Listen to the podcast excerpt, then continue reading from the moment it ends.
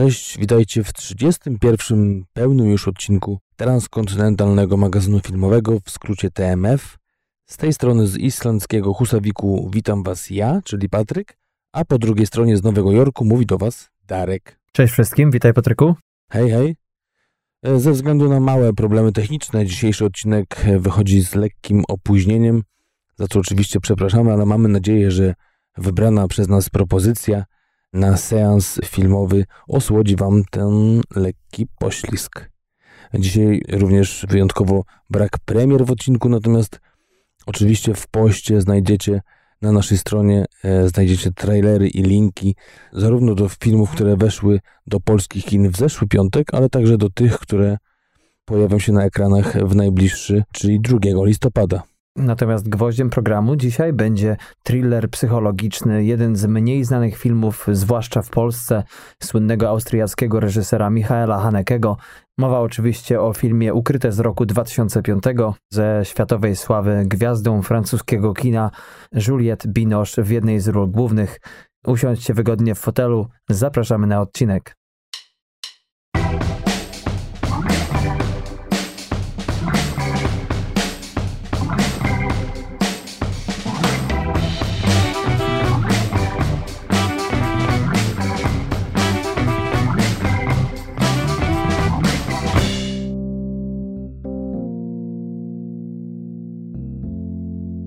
No jesteśmy. Po drobnych problemach technicznych pojawiamy się ponownie z małym poślizgiem. No tak, czasami się zdarza. Tym razem to były problemy natury technicznej, było nagranie, ale jak się okazało, jak to powiedzieć, mocno przedmuchane? Może być. O. No, w każdym razie zwalimy to na mikrofon, bo rzeczywiście nagraliśmy już chyba trzeci raz w karierze TMF-u nagraliśmy odcinek, po czym okazało się, że nastąpiło coś, na co nie mieliśmy wpływu i, i o czym nie wiedzieliśmy, no i trzeba było potem to nagrywać jeszcze raz.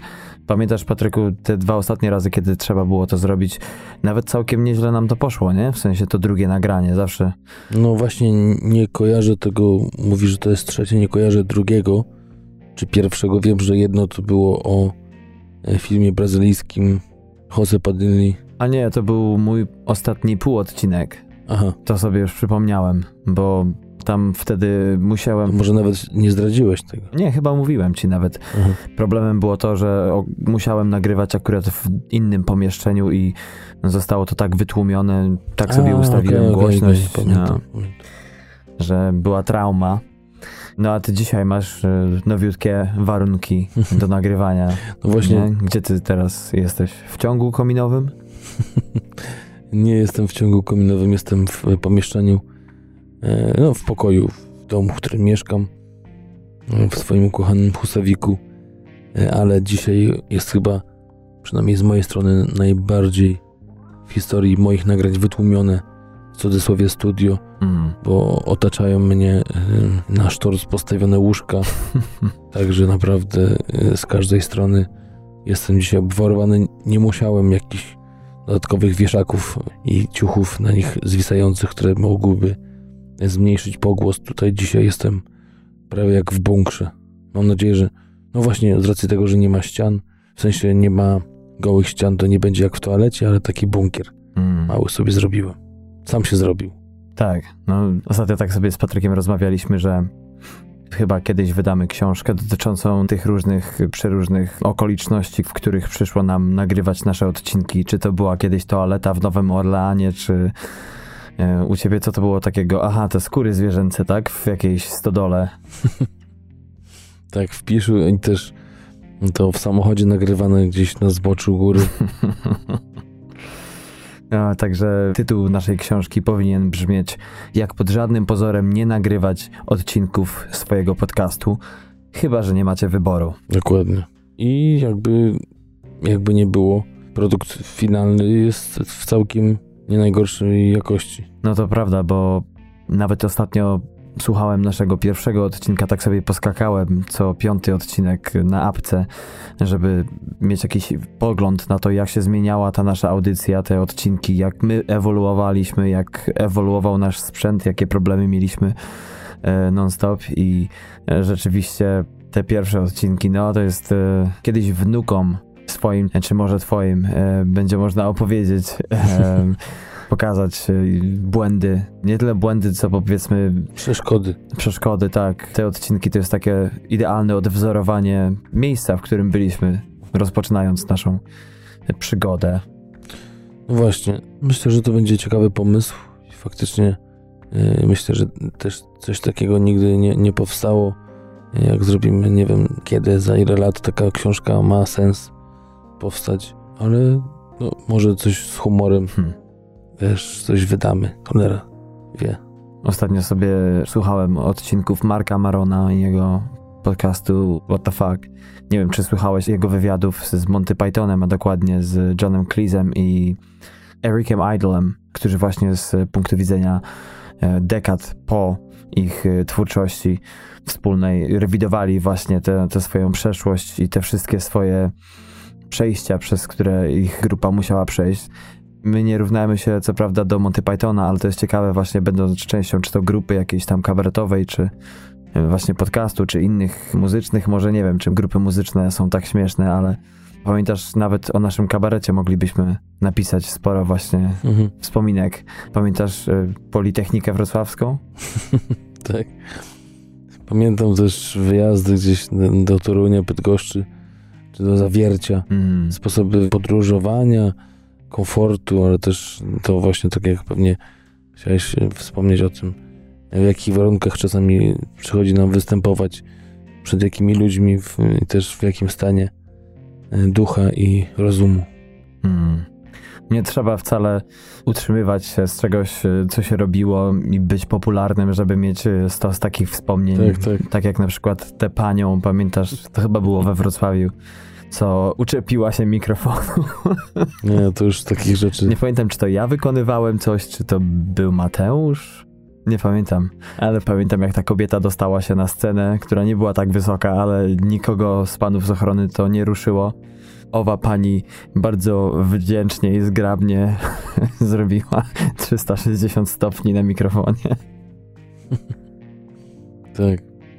No właśnie widziałem dzisiaj, wiesz, patrzyłem sobie na stronę właśnie Marona, Mhm. na stronę jego podcastu, z kim to ostatnio miał wywiad i tak odkładam sobie na bok, odkładałem sobie wywiad z Sissy Spacek i teraz widziałem właśnie, że, że z Chrisem też mam wywiad, Mhm. a tym bardziej, że ostatnio chyba miał urodziny nawet na Facebooku widziałem nasz wspólny kolega, aktor z Wrocławia, który jest wielkim fanem jego gdzieś tam jakiś post napisał z życzeniami. Tak, mówisz o Johnie Cleese oczywiście i jego urodzinach. Tak, tak, tak. Mhm. Mark Maron ma bardzo ciekawy podcast z tego względu, iż to jest prawie tak jak Woody Allen swoimi filmami, powiedzmy, próbował jakby robić, dokonywać autoanalizy, przynajmniej tak jego najwięksi biografowie twierdzą. Natomiast Mark Maron, ten jego podcast to jest właśnie taka kozetka, gdzie Mark Maron jest jednocześnie i pacjentem, i doktorem, i jeszcze prowadzi show dla publiczności. No tak, tym bardziej, że ma dostęp y, do, do tych największych gwiazd i właśnie, tak jak mówisz, czasami bardzo ciekawe smaczki wyciąga z ich biografii, czy po prostu z zakamarków mm, prywatnego y, życia, o których tak naprawdę nigdy wcześniej nie mówili albo bardzo rzadko mówią. Mhm. Tak właśnie też ostatnio było z Kristen Bell, od której wyciągnął informację, że, że ona z mężem mają teraz taki plan, żeby ze znajomymi zamknąć się w domu, y, dzieci wszystkie,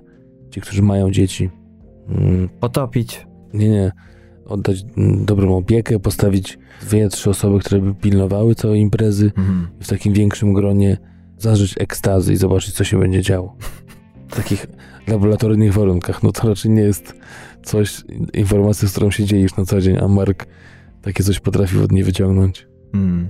To ja mogę powiedzieć, co się będzie działo. um, a to mi się akurat skojarzyło, nie wiem dlaczego, ale nowa płyta Dawida Podsiadło. Nie wiem, czy słuchałeś, ja akurat w ogóle popu nie słucham, ale ciekaw jestem polskiej muzyki.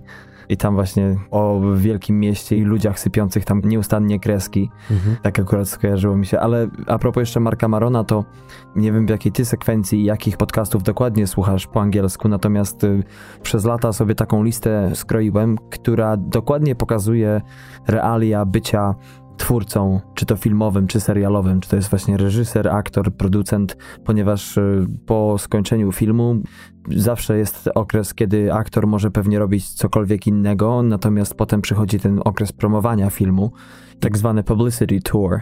Mark Maron właśnie bardzo często i jego goście wpisują się w ogóle właśnie w takie tournée, które dany, dany gość y, robi po wszystkich podcastach ważnych, nie? Po programach filmowych, czy to jest e, Steven Colbert właśnie, nie? Czy, czy inni. No, no chyba on aż tak bardzo nie, nie jest tak, e, wiesz, strasznie na topie, bo czasami, tak jak ostatnio miał wywiad z Polem McCartneyem, czy, mm. czy na przykład Kirsten Bell zaprosił, bo są dobrymi znajomymi, czy był na przykład u Annie Ferris, to ona, on się tym odwdzięczył, że ją zaprosił do siebie, więc to chyba mm. tak do końca nie jest związane z tymi turami. Chociaż pewnie czasami jest na przykład Macaulay Culkin, który nie zagrał w niczym od iluś tam lat i nagle się pojawił u niego też.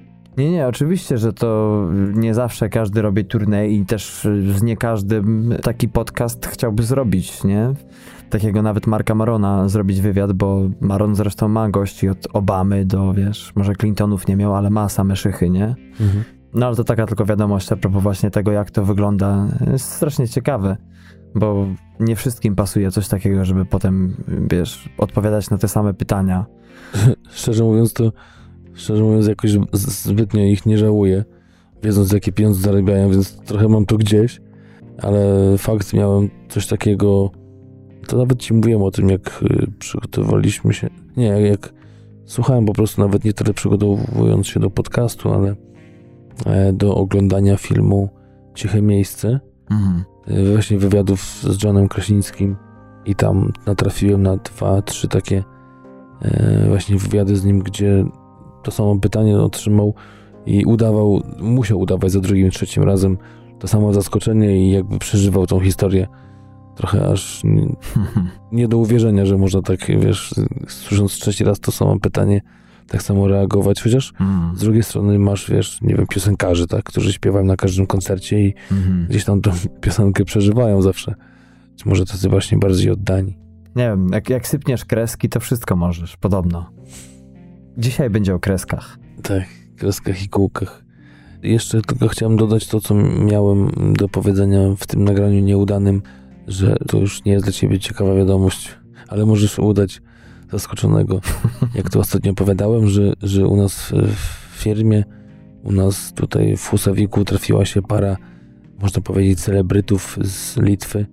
Mamy mistrza świata w kickboxingu z, ze swoją żoną.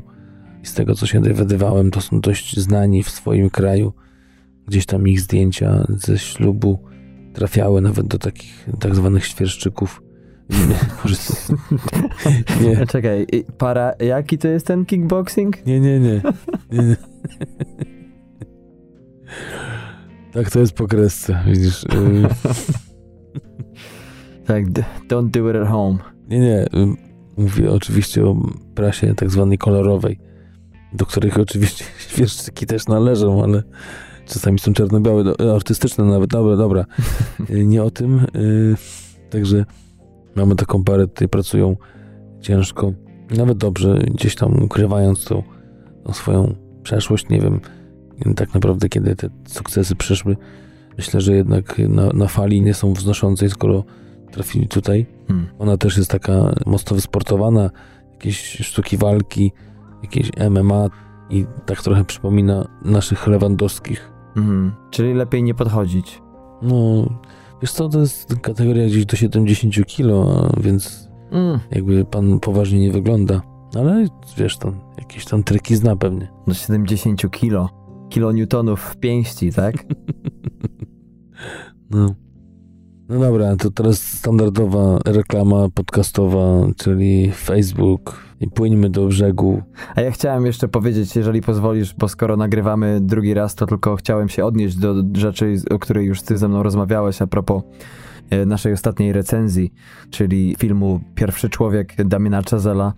który teraz gości w polskich kinach i rzeczywiście ta recenzja, przyznaję, wyszła trochę cukierkowa, powiedzmy.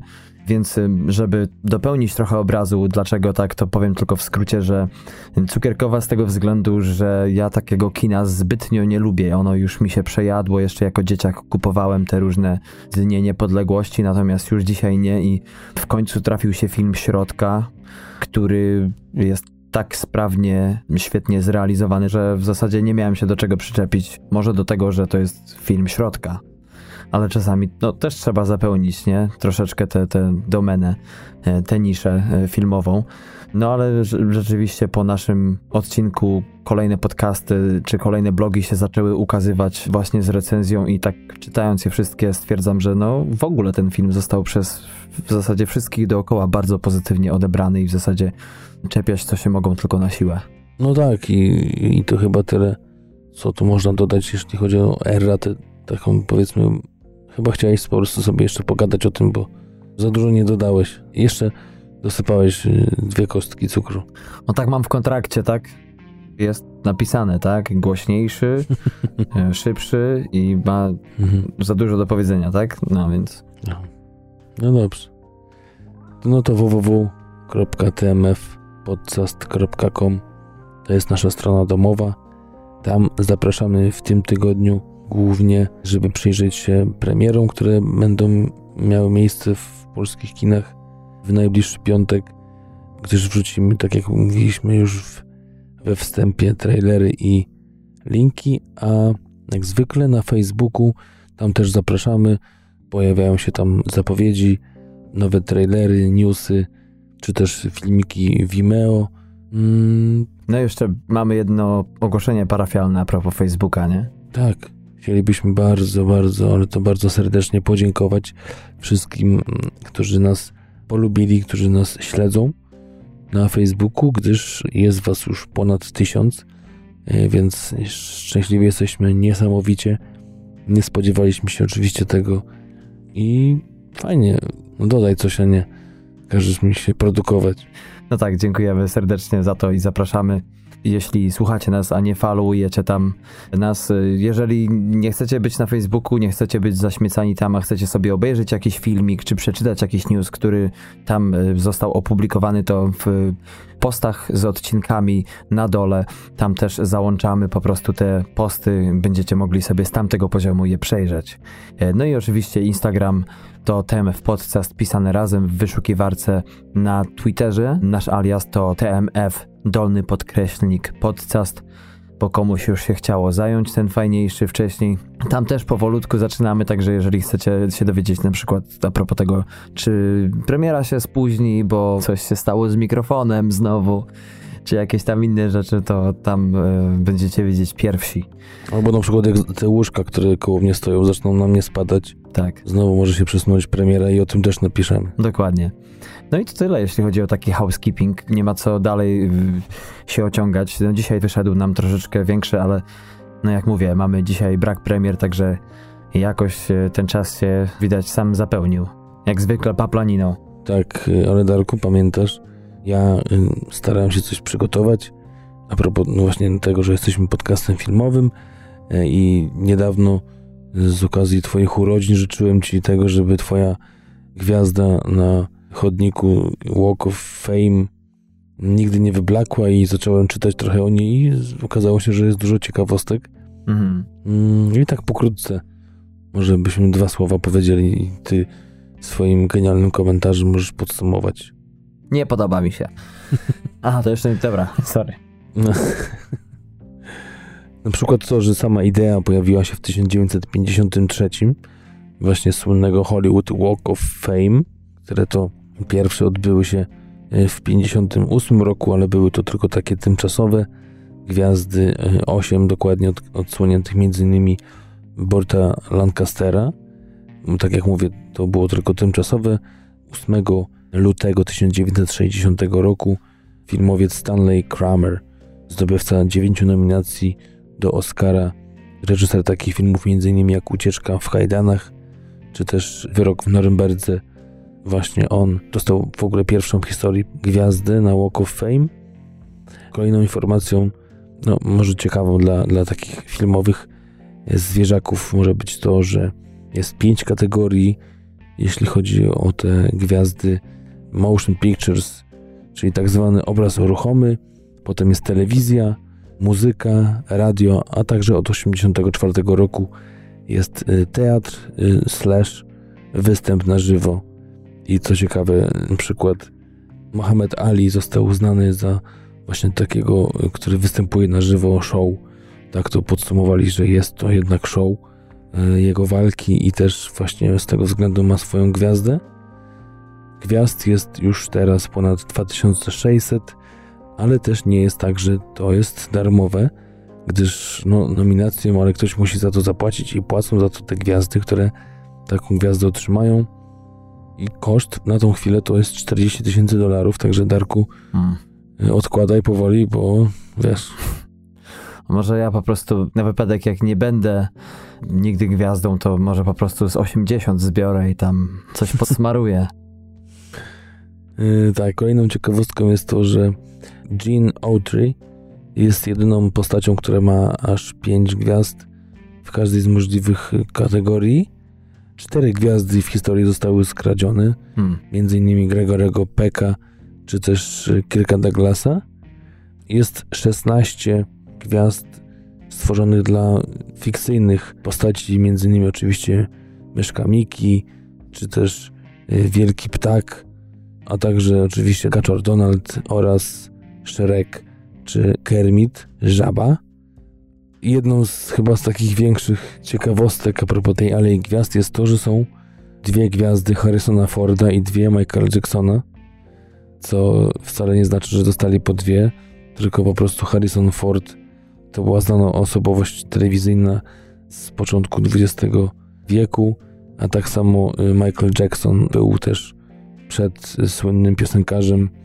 I co ciekawe w 2009 roku, w którym właśnie król popu zmarł, tysiące fanów zebrało się przy jego gwieździe, która okazała się właśnie nie jego, tylko tą drugą gwiazdą. Fail. Tak to było. Mhm. Y, rodzina Barrymore'ów ma najwięcej, bo aż sześć gwiazd, w tym właśnie dla oczywiście Drew, jeszcze mówiąc o śmiesznych rzeczach związanych właśnie z tym tematem, to jest to, że czasami od czasu do czasu trafia się jakaś literówka i tak to właśnie w 2010 roku Julia Louis Dreyfus z uśmiechem na ustach pozowała do zdjęcia z napisem Julia Louis Dreyfus, ale bez kreski pomiędzy tymi dwoma nazwiskami i e, Louis bez O w środku. Także w jednym wywiadzie podkreśliła, że to jest idealne zobrazowanie tego, co się dzieje w show biznesie, że można pracować na swoje nazwisku wiele lat i jak myślisz, że już to masz, to tu się okazuje, że jednak... Pracowałaś na inne. Dokładnie. Co też ciekawe, gwiazdy potrafią być proroczne, gdyż trafiła się literówka dla pana Dona Haggertiego z 1960 roku.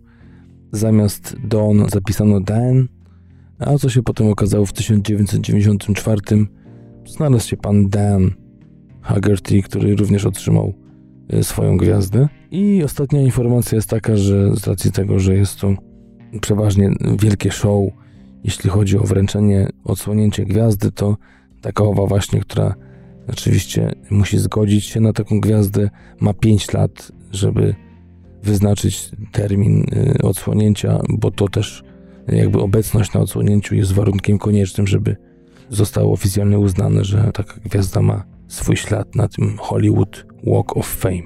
To ja to podsumuję w ten sposób, że chyba nie warto jednak. Nie dość, że trzeba wyłożyć 40 patyków i to grubych, to jeszcze trzeba tam być, to jeszcze przekręcą twoje nazwisko. Nie wiem. Powiem ci szczerze, że to już ja wolę, wiesz, te backgroundowe role seryjnie grać i przynajmniej, wiesz, przynajmniej człowiek ma spokojne życie. Wiesz, na czym stoisz. Dokładnie, dokładnie, także, także to tyle, kochani. Jak sami widzicie, strasznie dużo zachodu mm, jest z tymi gwiazdami, z byciem gwiazdą. Zanim przejdziemy do głównej części dzisiejszego odcinka, czyli do filmu Ukryte, to jeszcze tylko wspomnimy, że do polskich kin wchodzi kilka filmów w ten piątek i mamy m.in. tutaj pozycję familijną, jak Dziadek do Orzechów i Cztery Królestwa. Mamy długo oczekiwany film Luki Guadagnino, horror tym razem Suspiria. Luca Guadagnino to oczywiście reżyser, który nakręcił świetny obraz Tamte dni i tamte nocy z roku 2017. No a najbardziej popularnym filmem, najbardziej popularną premierą tego weekendu jest oczywiście film biograficzny Briana Singera Bohemian Rhapsody, oczywiście o legendarnej grupie Queen, o Freddie Mercury w roli głównej Rami Malek, no i tu już mogę zdradzić, że pod koniec tygodnia wyjdzie kolejny odcinek bonusowy, tym razem będzie to właśnie recenzja tego filmu na falach naszego eteru. Także zapraszamy, mam nadzieję, że przesłuchacie. Nie będzie to długi odcinek, a dowiecie się pewnie wielu ciekawych rzeczy, co mam nadzieję pomoże Wam podjąć decyzję, czy pójść na ten film, czy nie.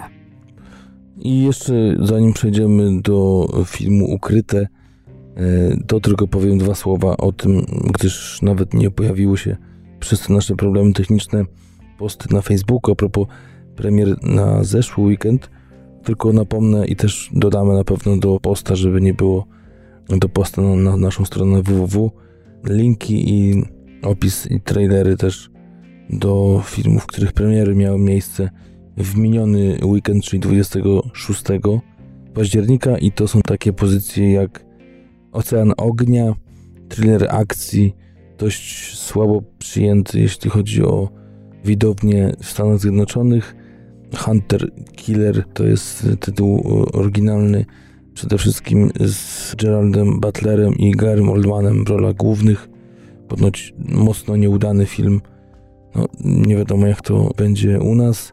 Po 826 głosach na Filmwebie całkiem przyzwoity wynik 7,6. Także nie wiem jak to się rozwinie. Może faktycznie Polacy trochę inaczej go ocenią. A tak jak mówię, na Rotten Tomatoes to jest 30%, na IMDb 6,5%, więc bardzo słabo. Oprócz tego też premierę miał film Halloween, najbardziej wyczekiwana premiera właśnie tego minionego weekendu. Oczywiście jest to sequel filmu z 78 roku, również z Jamie Lee Curtis, która wystąpiła wtedy w roli głównej. Ten film zbiera dość pochlebne recenzje i przede wszystkim zarabia jak mało kto. Podobno twórcy filmu specjalnie tą premierę wyznaczyli właśnie na połowę jesieni. E, tak, ponoć w zeszłym roku świetnie e, zadziałała ta pora na film Coś, który świetnie przecież podbijał kolejne rekordy, a przede wszystkim te horrorowe. I tak samo tutaj mamy horror i film już ponad 110 milionów zarobił w ciągu pierwszego tygodnia. Świetnie mu się tam też właśnie dzieje. A trzeci film, o którym też poczytacie na naszym poście, to jest Dziewczyna w sieci pająka. Film y, Fede Alvareza z Claire Foy w zupełnie innym wcieleniu, troszeczkę zmieniającym jej takie codzienne emploi. Tutaj też te oceny nie są za ciekawe, no ale jest to dla fanów kryminału, thrilleru pewnie pozycja bardzo ciekawa i pewnie warta wzięcia pod uwagę. No i to tyle, jeśli chodzi właśnie o premiery i zaczynamy już od odkrywania ukrytego. Tak jest, raczej ukrytych można powiedzieć. Jest to film, który debiutował w 2005 roku podczas festiwalu w Cannes, opowiadający o rodzinie z wyższych sfer, małżeństwie dość dobrze powodzących sobie zawodowo ludzi, którzy od pewnego dnia zaczynają otrzymywać kasety wideo z nagraniami ich własnego domu. Podejrzenia męża prowadzą do Majida, dziś schorowanego mężczyznę w średnim wieku, który jako dziecko mieszkał razem z głównym bohaterem, ponieważ został zaadoptowany przez jego rodziców. No i y, przez to, że główny bohater w wieku chłopięcym był zazdrosnym o swojego przyszywanego brata z Algierii, wskutek nieustannego knucia udało mu się pozbyć adoptowanego chłopca z domu. Tak powiedzmy, na tym zasadza się ten film, tak w szerokim kontekście.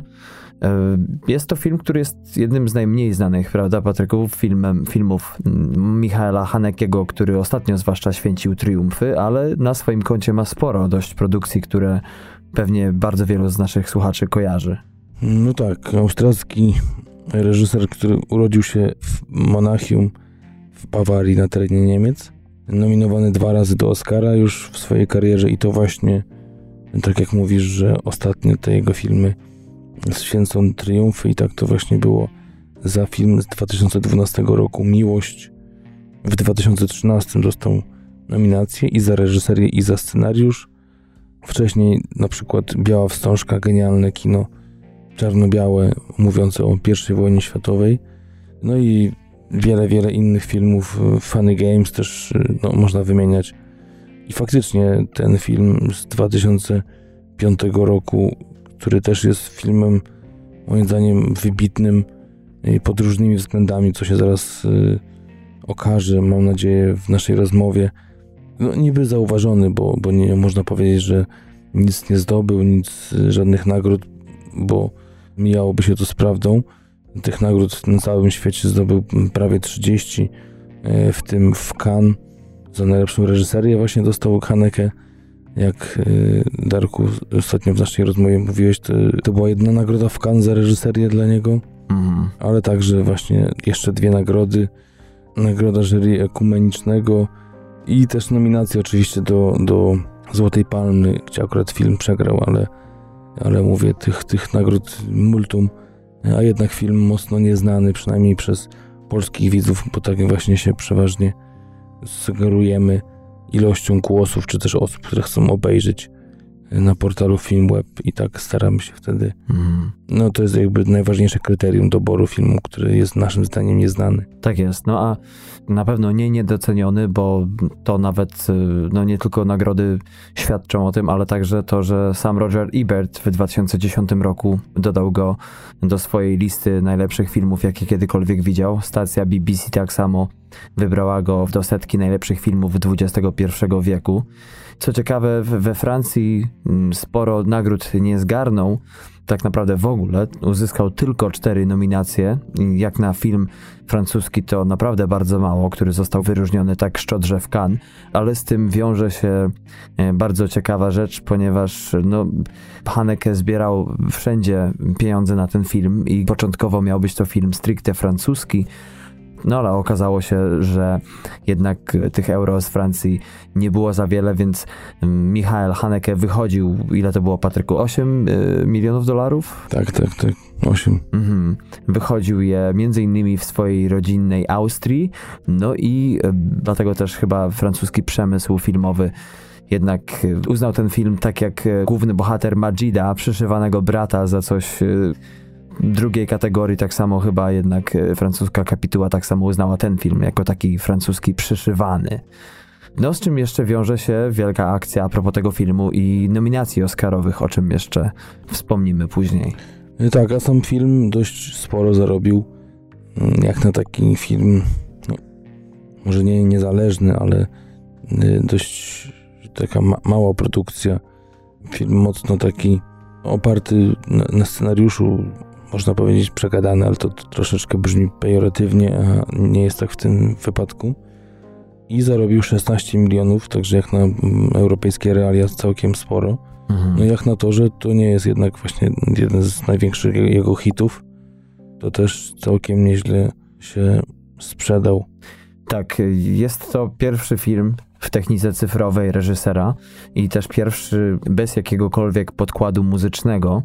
W jednym z wywiadów Haneke powiedział, że w tym przypadku mm, a chciał zrealizować y, film mocno realistyczny, co też y, mu się naprawdę udało. Muzyka tylko by przeczyła temu założeniu. Napisał ten film w ogóle z myślą o aktorach, którzy grają główne role w tym filmie, czyli o Juliette Binoche i o Danielu Otoju. Wcześniej pracował już z Juliette Binoche Haneke przy kodzie nieznanym z roku 2000 Natomiast e, z Otojem jeszcze wcześniej nie. No i głównym powodem, dla którego zaangażował Daniela, było to, że według Hanekego wszystko, co ten aktor wygrywa do tej pory, grane jest tak, jakby każda jego postać miała jakiś sekret, o którym nikomu nie chce przez cały film powiedzieć. O, a teraz poprawię swój błąd z nagrania, tego nieudanego.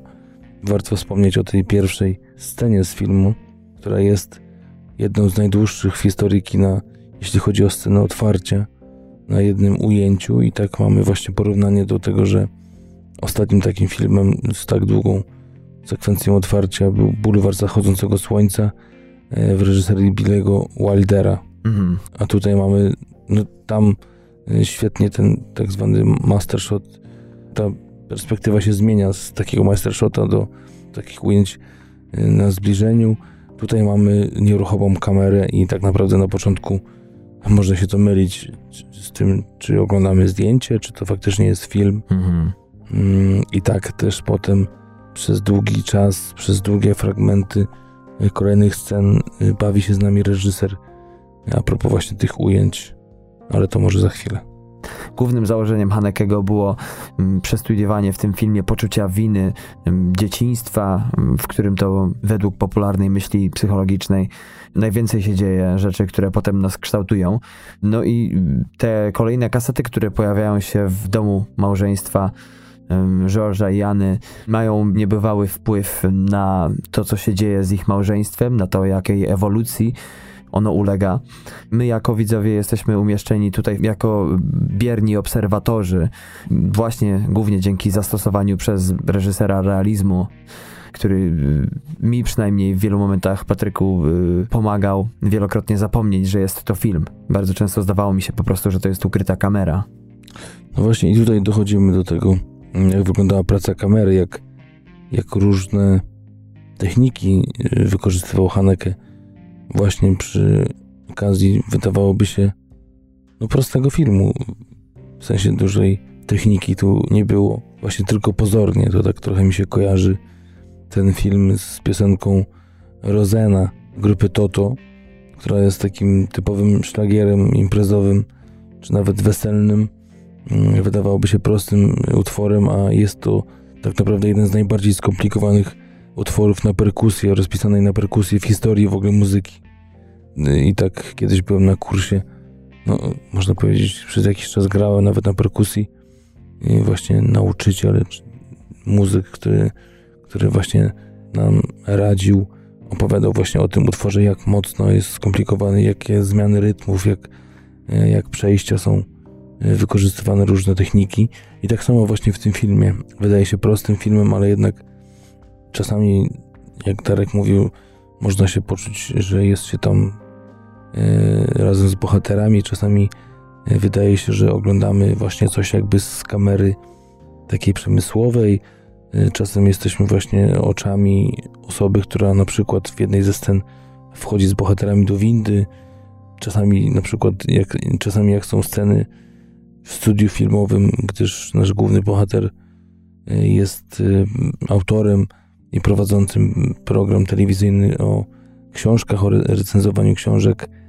Tam też jest taka scena, gdzie mamy zbliżenia kamery, myślimy, że jest to kamera telewizyjna, a potem jednak odjeżdża i pokazuje nam głównego bohatera w rozmowie prywatnej przez telefon i też tu się można zagubić. Tak naprawdę z jakiej perspektywy y, oglądamy te właśnie wydarzenia? Świetnie to jest wszystko rozgrywane, świetnie jest przemieszane i czasami też z tego robi się suspens, gdyż kiedy, no, nie będę tu zdradzał, ale właśnie myślimy jedno, a wychodzi, że to jednak nie jest to, także świetnie, takimi nawet zabiegami użycia różnego rodzaju kamery, czy bardziej ujęć, reżyser wprowadza i suspens, i, i, i taką intrygę, i też niepokój w duszy widza, przynajmniej y, w moją duszę. Mhm, no tak, rzeczywiście ten film kradnie atencję widza. Ciężar kolejnych zdarzeń powoli odkłada się w psychice nie tylko bohatera, ale też i nas samych, którzy jesteśmy świadkami tego. Chociaż tak jak główny bohater, niewiele wiemy. Jedną z mocniejszych, jeśli nie najmocniejszą stroną tego filmu jest y, nie tyle warstwa psychologiczna sama w sobie, co rozwikłanie samej tajemnicy, czy o co tak naprawdę chodzi w tym filmie, mm, kto próbuje co od kogo wyłudzić, dlaczego. Bardzo długo widz po prostu jest wodzony za nos tu i ówdzie. I widać e, dzięki temu, jak bohaterowie się zmieniają na naszych oczach.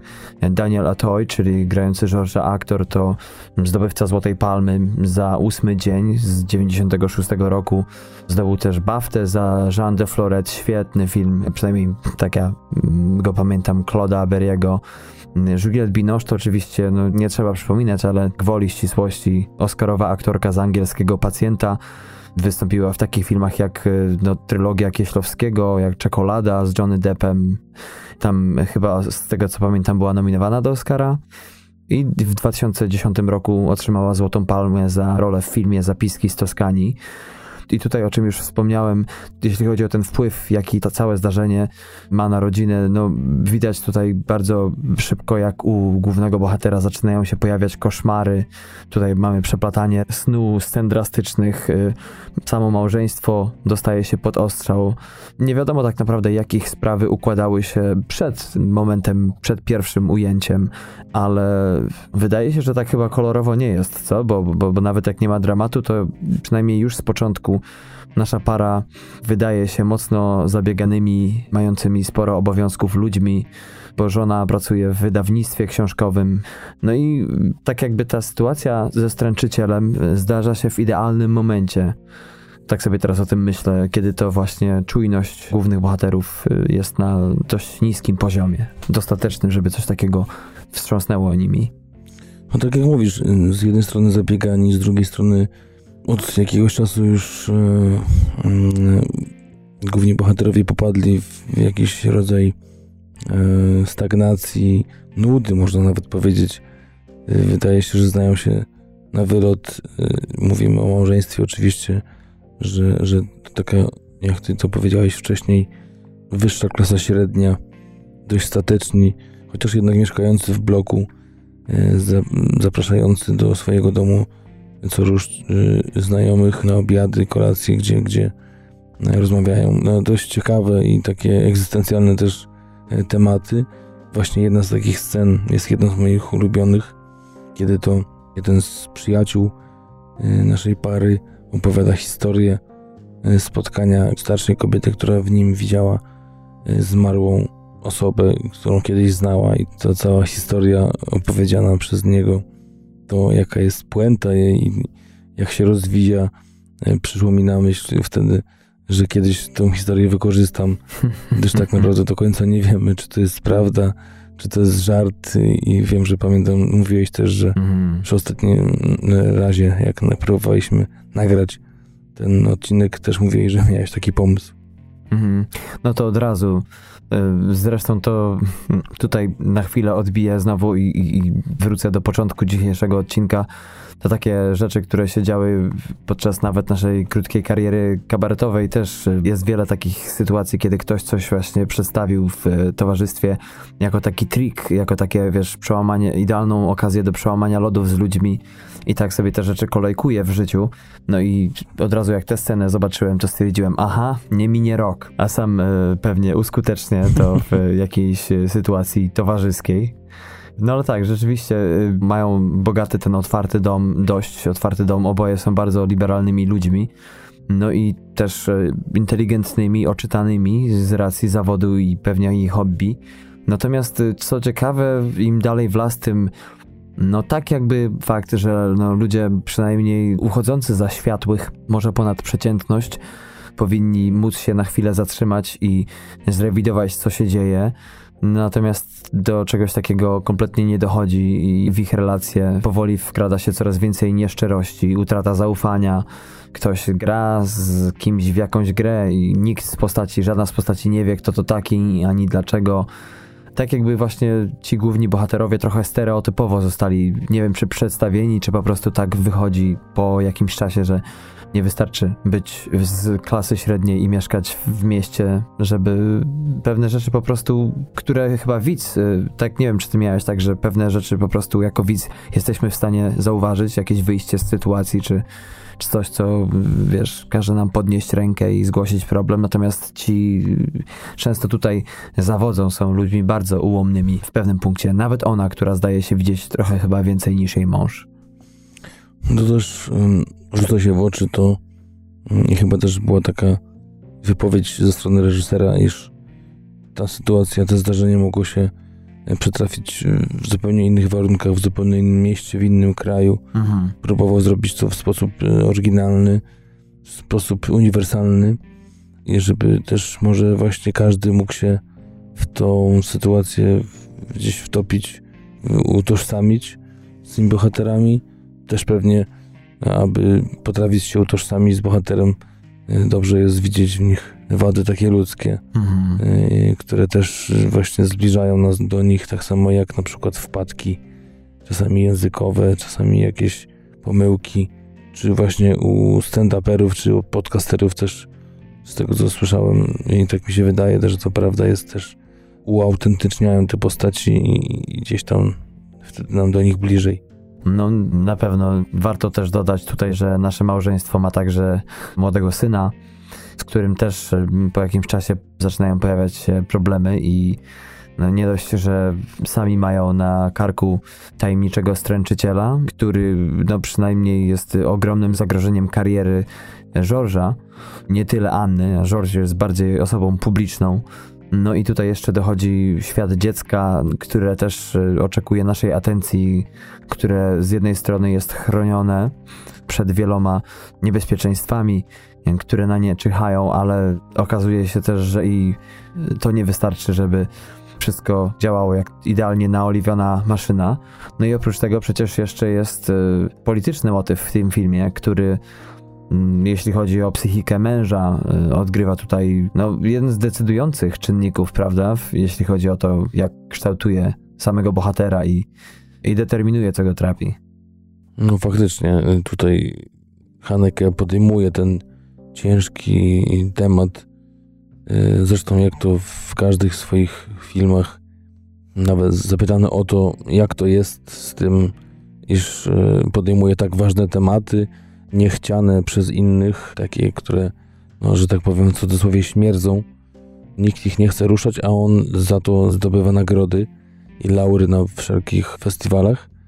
Mówi, że tak to jest, lubi właśnie pokazywać tą historię jednak mocno obiektywnie na to patrząc tutaj porusza y, kwestię bardzo delikatną, jeśli chodzi o Francję i jej historię właśnie, a dokładnie o tym, jak to w październiku, dokładnie 17 października 1961 roku na ulicach Paryża francuska policja zamordowała około 200 Algierczyków i ich ciała wrzuciła do Sekwany.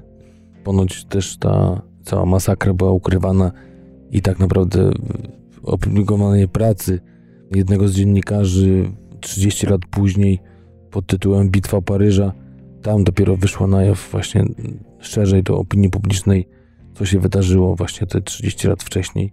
I tutaj delikatnie, subtelnie, jak to też właśnie czasami mu się zdarza, bo przecież słynie z brutalizmu, słynie z e, gwałtowności w filmach i takiej lekkiej nawet brutalności, można powiedzieć, której, jak sam kiedyś powiedział, nigdy nie doświadczył. I tutaj to się objawia w tym, że jest lekka wzmianka o tym, że rodzice Majida wzięli udział właśnie w tych manifestacjach na ulicach Paryża. Mhm. Tutaj tylko może lekko rozwiniemy e, temat. E, ta masakra wspomniana przez Patryka miała miejsce dlatego, iż rzeczywiście Algieria była kolonią francuską okupowana przez ten kraj i w, w tamtym roku doszło do starć między Frontem Wyzwolenia Narodowego Algierii a wojskami francuskimi i właśnie Stąd e, wynikły te protesty na ulicach Paryża, które zostały krwawo stłumione.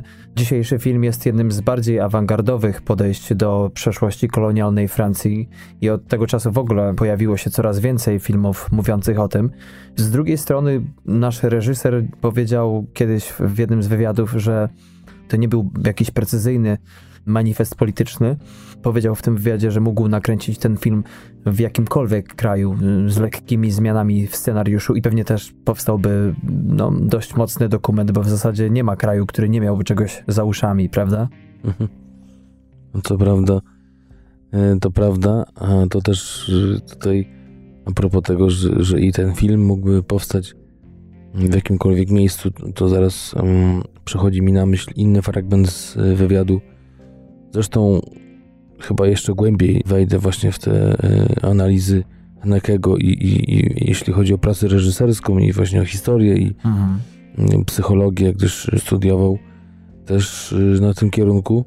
Taką ciekawą rzecz powiedział, zapytany dlaczego teraz wykłada na Uniwersytecie Filmowym w Austrii, powiedział, no No tak się złożyło. Mieszkam w Austrii, to wykładam w Austrii. Mhm. Jakbym mieszkał w Berlinie, to pewnie bym wykładał w Berlinie. Hmm.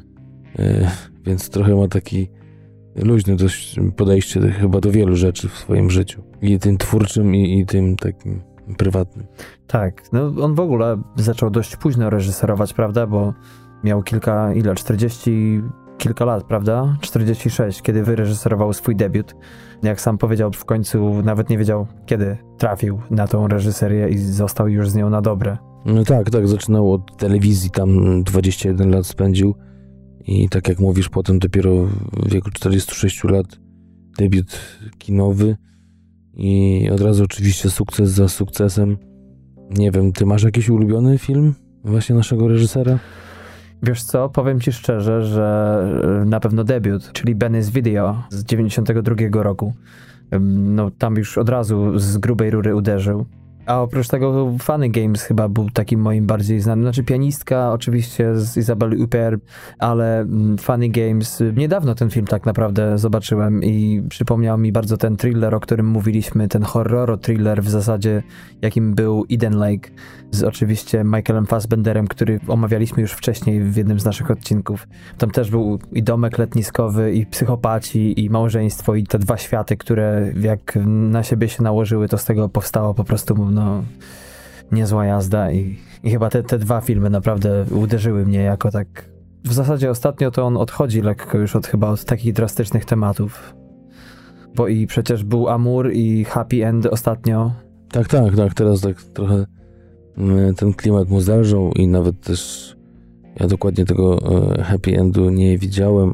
E, to znaczy, e, happy endu nie widziałem, ale też nie wiem za bardzo o czym ten film był ale w jednym z fragmentów wywiadu, który przeczytałem, wiem, że było coś też o Facebooku, o Snapchacie, mhm. Gdzie nawet sobie założył czasowo konto na Facebooku, z którego zaraz uciekł. Hmm. Ale Snapchata to w ogóle nie znał, dowiedział się dopiero przy realizacji filmu i też to gdzieś tam y, próbował jakby na przekór tym, którzy uważali, że no pewnie z racji wieku, ale przez to, że, że właśnie ponoć stroni od y, social media i generalnie od internetu, i to był taki też pokaz, że, że jednak nie jest tak. Nawet w jednym wywiadzie powiedział, że jest odwrotnie. Tylko no jakby nie, nie w głowie mu jakieś inwigilowanie, czy właśnie takie rzeczy, które chyba teraz się najbardziej kojarzą, na przykład z Facebookiem. Mhm. No on może niekoniecznie jest reżyserem starej daty, jest dość osobliwym reżyserem, ale jednak podwaliną mocną jego filmów jest jednak to, że lubi bawić się w swojej twórczości różnymi, w różne zabiegi.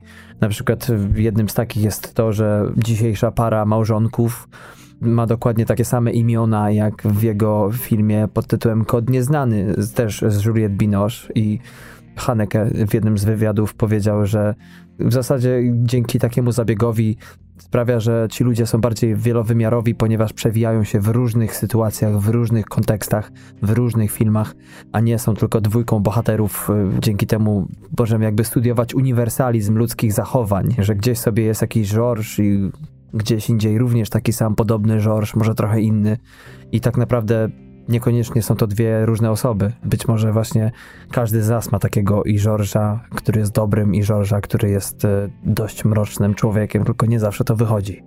No, też gdzieś wyczytałem, że ogólnie ma z takich znaków rozpoznawczych swojej reżyserii i swojego w ogóle podejścia do, do historii ma to właśnie, że swoich bohaterów właśnie nazywa mężczyzn George, Georg, hmm czy właśnie kobiety Anna, Ann, Annę.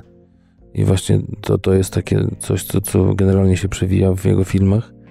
Oprócz tego oczywiście brak muzyki w filmach, mhm. czy też nieme y, napisy też końcowe oraz oczywiście, jak już mówiliśmy dzisiaj o pierwszym ujęciu, bardzo długie, takie statyczne ujęcia. To też jest coś, y, czym się wyróżnia mhm.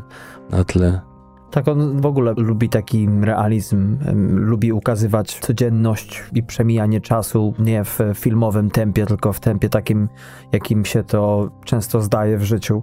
w tym dzisiejszym filmie jednym z fajniejszych myków, jakie zastosował, to przede wszystkim realizm zatłoczonych ulic, ujęcia ukazujące pospolite domy pełne brzydoty, ciasne przestrzenie, uliczki, tak naprawdę dzisiejszy film nie jest katalogiem Francji czy Paryża, tylko jego antytezą.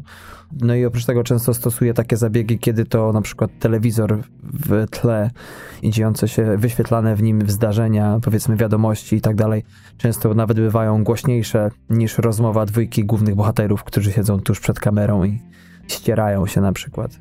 No tak, ja też znalazłem bardzo ciekawy opis jego filmu, czy, czy kategorię, do której mógłby się łapać tak zwany pop artystyczny, że jest tutaj i, i artyzm, ale taki, który nie wiem, dobrze wiedzieć, dobrze znać na salonach, tak jak to kiedyś było z Coelho, e, ale z drugiej strony, e, no właśnie Coelho chyba jest takim dobrym przykładem, jeśli chodzi o e, twórczość pisaną, że jakby jest dość szeroko znany, a no teraz to powoli synonimem tandety i, i takich banałów, ale nie było tak na początku i to chyba przez popularność tak naprawdę się to stało. Mhm. E, I tu chyba też tak, że, że właśnie do tych ludzi trafia, odbiór jest coraz szerszy i te dzieła są coraz łatwiejsze, no dostępniejsze może. Sam powiedział, że będzie tworzył, póki będzie miał pomysły i dopóki ludzie będą chcieli oglądać jego filmy. Mhm. No i tak to na razie jest. No teraz ma już 76 lat. Jest tak naprawdę 30 lat za nim. Mhm. Ale wygląda nieźle, trzyma się naprawdę fajnie, jak na swój wiek. Więc pewnie jeszcze trochę lat mu zostało pracy. Mhm. No, tak sobie myślałem o tym, o czym mówisz, i tak naprawdę te jego filmy, na pewno ten dzisiejszy jest takim obrazem w którym tak naprawdę wiele rzeczy, które on, czyli reżyser, próbuje przemycić widzowi, nie są tak naprawdę dostępne na pierwszy rzut oka. I ja ten film obejrzałem e, już teraz trzykrotnie i za każdym razem odkrywałem co innego, za każdym razem inne zupełnie wnioski wyciągałem.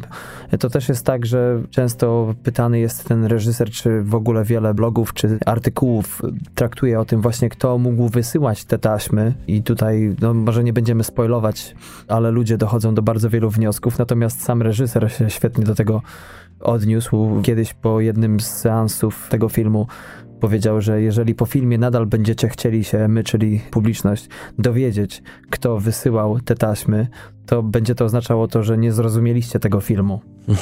że tak naprawdę nie to jest ważne, kto wysyła te filmy, ale dlaczego. Jedną z rzeczy, która dla mnie stanowiła jedno z ważniejszych zagadnień to było na przykład to, jak dorośli zostali zostawieni z dzieckiem, z synem głównych bohaterów. I nie wiem, czy miałeś podobne odczucia, ale rodzice są no, mocno wydają się być nieszczerzy, nie umiejący szczerze rozmawiać, zatrzymać się na chwilę, tylko wszystko toczy się, wiesz, w oparciu o półśrodki, jakieś półprawdy i, i dziecko tutaj zupełnie, zupełnie lepiej wychodzi na tym tle. Mm, tak, tak, to, to już mówiliśmy o tym mm, rozłam w tej rodzinie, ale też właśnie taka nieszczerość i gdzieś, hmm, może to jest brak empatii. Dystansu, nie? Y, wiesz co, chodzi mi o to, że, że tak właśnie sobie nie radzą i trochę jakby trywalizowali te problemy, odsuwali na bok i jakby ciężko powiedzieć, że chociaż nie wiem, czy to kwestia właśnie inteligencji, czy emocji ludzkich, y, że, że jakby nie widzą tego, tak? To znaczy, to już chyba wspomniałem o tym właśnie kilkanaście minut temu, że zwłaszcza w przypadku George'a tak dziwiło mnie to, że facet niby jest oczytany, pewnie zdobył dobre wykształcenie, skoro rodzice byli całkiem, całkiem no, majętni, powiedzmy klasa średnia, wyższa. No a jednak tak naprawdę nie wiem, jakie książki czyta, ale chyba nie za wiele w nich mądrości, albo po prostu przez to, że jest człowiekiem mocno ułomnym, to, troszeczkę stereotypowo wypada tak jak wiesz, często inteligent w oczach robotnika, jak to zwykło się mówić, nie? Mhm. Że nie dawaj młotka do ręki, bo, bo się zabije, a... No tak, tak, to, to mówiliśmy o tym, że no wydaje się, że ona jakby tą percepcję ma lepszą, ale może on tak gra, może on to po prostu coś ukrywa. Ale chyba też nie do końca udaje jej się te percepcje wykorzystać, nie? No, oczywiście, no właśnie no, do tego właśnie zmierzałem, że u obu tych postaci widać takie po prostu, nie wiem, ułomności, związane z okazywaniem uczuć, zrozumienia. No, no jest coś takiego, jak ty to zawsze mówisz, wystającego w tej rodzinie, co, co jakby nie pasuje do mm, jakiegoś takiego idealnego obrazu rodziny, która, tak jak mówisz, no jest majętna i nie widać tu żadnych śladów zdrady czy, czy odejścia gdzieś w inną swoją stronę, tylko bardziej rutyny, ale i syn też dobrze wychowywany, chociaż właśnie tak trochę, może bez zbytniego przyłożenia się rodziców, ale pewnie z zewnątrz tak jakby tak wejść do nich do domu raz czy drugi bez większego zagłębiania się, to pewnie wyglądaliby na idealną rodzinę. Pewnie tak. To właśnie jest kolejny z tych czynników u Hanekego, kolejny kolejna charakterystyczna rzecz właśnie Hanekego, że niby wszystko na pierwszy rzut oka jest ok, ale, ale jakby tak się wgłębić, to można bez końca y, wydobywać różne ciekawostki z niby tak prostego filmu, w którym nic się nie dzieje. Masz jakieś jeszcze ciekawostki a propos tego filmu? Wiesz to gdzieś wyczytałem takie ciekawe porównanie a propos tego, że te kasety podrzucane i taka rosnąca presja, rosnące napięcie w filmie rosnące, prawdopodobnie zostało podejrzane u Lyncha w zagubionej autostradzie. Mhm. Tutaj oczywiście trochę inaczej z tego korzysta mm, Haneke, ale tam mm, no, widać spore podobieństwo. Ciężko uznać, że jakby gdzieś tam się tym nie sugerował. Jeszcze z, z takich y, ciekawostek też wyczytałem, że no, Haneke jest dość y, ciężkim do współpracy twórcą, że jest znany ze swojego trudnego charakteru e, i nie jest też ponoć tajemnicą, że często zdarza mu się być nieludzkim, a nawet czasami bezlitosnym na planie, szczególnie gdy właśnie chce u swoich e, gwiazd, u swoich aktorów wywołać jakieś pożądane emocje. Zresztą to jest trochę na, z jednej strony na kontrze, z drugiej strony, jeśli faktycznie celu uświęca środki, to może to się jakoś łączy z tym, że pytany o to właśnie, co najbardziej mu się podoba w pracy reżysera, e, twórcy filmowego, mówi, że właśnie praca z aktorem, że to jest właśnie wartość dodana do filmu, że zawsze jak pisze sobie scenariusz, ma w, w głowie ułożone sceny, jak na przykład będzie padało światło, że na przykład gdzieś tam w oddali będzie stało drzewo i potem się okazuje, że drzewo ma za mało liści, że ulica nie jest taka naświetlona jak powinna, ale nagle pojawia się aktor i z, z jego tekstu e, wyciąga coś zupełnie nowego, innego i lepszego. I wtedy mówi ma te momenty triumfu i takiej niesamowitej radości właśnie z tej pracy. To też z drugiej strony mówił o tym, że jeśli jakiś reżyser nie ma takiego podejścia, że jak rano wstaje przed planem zdjęciowym i myśli sobie, co to się dzisiaj może spieprzyć, y, to tak naprawdę nie jest prawdziwym artystą i nie zależy mu na tej pracy, bo to jest, mówi albo wszystko, albo nic. I no, te właśnie fragmenty, można powiedzieć, geniuszu aktorskiego, to mu daje największą satysfakcję. Mhm.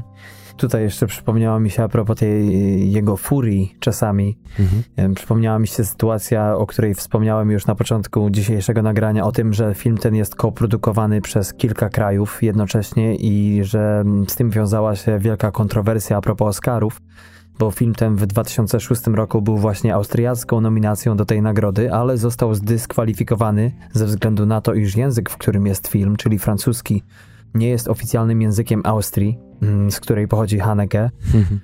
No i ten się wściekł, powiedział, że to było kretyństwo. Przedstawiciele studia filmowego oczywiście wydali stonowane oświadczenie, ale tutaj w tym przypadku przynajmniej nasz reżyser miał rację, ponieważ już wcześniej też miał podobne kontrowersje z jego poprzednim filmem, jakim był Pianistka z 2001 roku. Też ten film był austriacką kandydaturą oscarową i jakoś tam tego filmu nie zdyskwalifikowano. Więc e, po tym wielkim fopa ze strony Akademii Filmowej, zaraz po tej sytuacji z dzisiejszym filmem Kapituła Akademii, przemyślała temat i czynnikiem decydującym od tamtej pory był nie język filmu, ale narodowość reżysera. Patrz na przykład film Amur. No i, i wszystko już chyba zostało wyprostowane, ale rzeczywiście w tamtym przypadku Haneke mógł mieć prawo się wścieknąć. No, to, to na pewno. Jeszcze tak zapytałem ciebie o ulubiony film. Bardzo niegrzecznie się nie zrewanżowałeś. Ach, no widzisz. Pomyślałem o tym, co już powiem ci w kolejnym okienku. Mnie niesamowicie przejął i, i, i zafascynował i wstrząsnął mną film Biała Wstążka. To była z kolei niemiecka nominacja do filmu nieanglojęzycznego w bodajże 2010 roku, gdyż jest to film z 2009. Film obrazujący y, społeczeństwo właśnie niemieckie, wiejskie w czasach I wojny światowej. I to jest chyba takie dzieło, które najbardziej cenię. Mhm. Chociaż i Funny Games, y, które jak sam podkreśla jest no, najbardziej znanym tak naprawdę właśnie w takiej szeroko pojętej popkulturze jego dzieło, ale z drugiej strony trochę inne od reszty i mocno y, będące takim dziełem, którym chciał po prostu sprowokować widza, y, a wyszło tak, że jakby, no, y, jak sam mówi, troszeczkę błędnie wyszło, że jest to jego styl. taki właśnie mocno gwałtowny, mocno sadystyczny, mhm. ale też jak to w jednym wywiadzie powiedział, zadane pytanie było, czy właśnie lubi pan takie filmy i specjalnie pan robi takie właśnie mm, drastyczne, sadystyczne, na co on powiedział, jeśli sadyzmem nazywa pan uczciwe portretowanie zachodnioeuropejskiego społeczeństwa, to bardzo proszę. Może mnie pan nazwać sadystą. No tak, on nie, nie pokazuje tak naprawdę całego okrucieństwa. Wiesz, przychodzi mi tu na myśl nawet ten film, o którym ostatnio mówiłem w jednym z moich półodcinków. Mówię tutaj o, oczywiście o filmie Spike'a Lee pod tytułem Czarne Bractwo, Black Klansman. Tam też w filmie tym ukazuje drastyczne sytuacje fabularne, człowiek jakoś to powiedzmy przeżywa czy nie, natomiast na koniec filmu, tutaj nie wiem czy mogę zaspoilować już jak ktoś nie widział to trudno, trzeba słuchać tamtego odcinka jak wychodzi, ale są ukazane prawdziwe zdjęcia z protestów w Charlottesville, kiedy tam ci tak zwani white supremacists, czyli powiedzmy no amerykański odpowiednik nazistów protestował i oczywiście doszło do kontrprotestu, kontrmanifestacji i te sceny ukazane w tym filmie są tak drastyczne, że aż ciężko człowiekowi jest uwierzyć, że no to w ogóle przebiło wszystko to, co w tym filmie było tysiąckrotnie. No, dzisiejszy film jest dobrze oceniony, prawda? Przez recenzję i krytykę. Tutaj nie możemy tego zarzucić ludziom, że się nie poznali na tym filmie. No tak. Y, nie są to jakieś oceny wybitne, jak na przykład przy okazji właśnie tej wspomnianej przeze mnie Białej Wstążki. Mm, no ale oceny 7.3 na IMDB to są przy 64 tysiącach głosów. To jest, to jest całkiem dobry wynik. A Rotten Tomatoes też daje dobrze, bo bodajże jest to 7-8 na 10, jeśli chodzi o recenzentów. Przy prawie 90% pozytywnych opinii widzowie dają mu 3-6 na 5, czyli podobnie praktycznie, nawet troszeczkę, no nie, prawie identycznie jak na IMDb w zasadzie w przeliczeniu w skali 10-punktowej. Na Filmwebie to 7. No, ale z drugiej strony yy, właśnie tych głosów za dużo nie ma. Mhm. Jedne z, z recenzji, które czytałem i opisów tego filmu mówią o tym, że to jest jeden z najwybitniejszych jego filmów, gdzie ten kunszt faktycznie pokazał w całości. Chyba pod takim komercyjnym mm, względem mm, właśnie i, i nawet pianistka, czy Funny Games oczywiście, czy, czy właśnie Biała Wstążka i przede wszystkim Miłość mhm. na pewno przebiły, przebiły ukryte. Tak jest. Czas trwania dzisiejszego filmu to godzina i 57 minut. Patryku, jakbyś podsumował pokrótce ten obraz dzisiejszy i jaką byś mu wystawił ocenę w skali od 1 do 15? Y, film określam, tak jak powiedziałem już chyba kilka razy, mały, wielki film. Film pokazujący niesamowity kunszt reżysera, ale i też sprawne oko obserwatora, drobnych szczegółów, które naprawdę ciężko e, czasami wyłapać, a, a jakby kiedy to nam się uda, to jest niesamowita satysfakcja.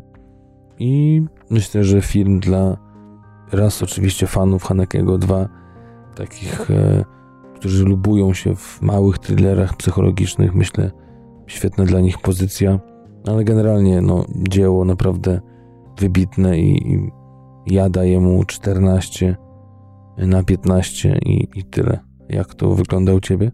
Hmm, a ja za, za świetny realizm, za to, że mamy okazję podglądać prawdziwe sytuacje, za to, że jest to film egzystencjalny do dwukrotnego przynajmniej obejrzenia. Mm, może nie jest aż tak trudny w swoim odbiorze, ale mimo to przez swoją niecodzienną naturę sporo może nam umknąć. Tutaj może tylko rzucę hasło scena końcowa, bo o tym nie powiedzieliśmy, ale w zasadzie jesteśmy ciekawi, co kochani powiecie, jak obejrzycie ten film, bo różne możecie mieć opinie na ten temat i jak nie dowiecie się o co chodzi z internetu, to może was to naprawdę zaskoczyć końcówka tego filmu. Niecodzienna. Ja za to wszystko daję temu filmowi 13,5 na 15. Mm, a jeszcze może tak ze dwie sceny ulubione, bo tak mm, przeważnie takim czymś się dzielimy, a tutaj to nam umknęło. Jeśli chodzi o moje sceny ulubione, to powiem tylko tyle. Jedna z nich, chyba najbardziej ulubiona, to to, co się dzieje po wyjściu głównego bohatera z domu y, Majida. A druga scena to dosyć taka niecodzienna scena z kogutem. I to tyle chyba powiem. Tajemniczo. Ja muszę przyznać, że taka najbardziej wesoła, zabawna scena, czyli wizyta znajomych y, na kolacji i opowieść jednego z właśnie uczestników, o której mówiliśmy wcześniej. Przezabawna, przecudowna historia. A druga scena, y, myślę, że właśnie ta zabawa ujęciami i to, że, że nie wiemy co, gdzie jesteśmy i właśnie kim jesteśmy, jeśli chodzi o kamerę. Czy widzem, czy, czy kamerzystą, czy, czy właśnie podglądaczem, to jest scena nagrana w studiu telewizyjnym y, przy okazji nagrania właśnie programu z naszym głównym bohaterem. Mhm. No dobrze. To co? Jak to moja babcia mówiła, wsio. Wsio i do domu. Tak jest. Tym bardziej, że jak zwykle późno już. Nie, nie jest to tak późno jak przeważnie, ale trzeba spać. No dokładnie. U mnie też pora spaceru z psem się zbliża, także to jest bardzo ważna uroczystość codzienna, trzykrotna. Kochani, zapraszamy oczywiście Was na naszą stronę www.tmfpodcast.com do postów z naszymi odcinkami, tam oczywiście zapraszamy również do poprzednich odcinków, do na przykład ostatniej recenzji filmu Pierwszy Człowiek Damiana Chazela, czy też poprzednich półodcinków islandzkich, nowojorskich, poprzednich pełnych odcinków. Na Facebooku jesteśmy pod aliasem TMF Podcast, tam oczywiście wiele więcej krótkich filmików, a także mm, okazjonalnych recenzji, pisanych, zapowiedzi czy newsów i trailerów. Również zaglądajcie na Instagrama, tam Niedawno pojawiło się y, zdjęcie pięknej tęczy, którą udało mi się złapać tutaj w moim cudownym malowniczym husawiku, ale też inne zdjęcia darkowe i też więcej moich. Oraz Twitter, na którym powoli raczkujemy, y, gdzieś tam przedzieramy szlaki i, i będzie nas pewnie tam więcej z, y, z każdym tygodniem, a przede wszystkim tam będą informacje a propos jakichś aktualności związanych właśnie z wyjściem odcinka nowego, czy z jakimiś recenzjami, to wszystko tam będzie najszybciej z całego internetu. Stamtąd się właśnie dowiecie. Tak jest, a ja tylko pokrótce zaproszę już na kolejny odcinek. Będzie to drugi bonus, druga recenzja filmu, który właśnie wchodzi w ten najbliższy piątek do polskich kin i jest najbardziej oczekiwaną propozycją kinową. Mowa tu oczywiście o Bohemian Rhapsody o grupie Queen i jej liderze Freddie Mercurym. Także to niebawem na antenie TMF-u. Ja też stacieram ręce, mam nadzieję, że wyjdzie, wyszedł ten film świetnie i z takimi właśnie wrażeniami wyjdziesz z kina, bo i Rami Malek i oczywiście sama grupa i pewnie genialna muzyka, y, pewnie, no, po prostu genialna muzyka, tylko świetnie wykorzystana w filmie, przyniesie oczekiwany rezultat w postaci genialnego filmu ze świetną rolą. I dziękujemy za dziś. Y, tak jak Darek powiedział, zapraszamy na nasze strony, zapraszamy na kolejne odcinki, ale i te wcześniejsze. I to tyle na dziś w 31 pełnym odcinku TMF-u. Kłaniamy się serdecznie, kochani. Do usłyszenia. Na razie.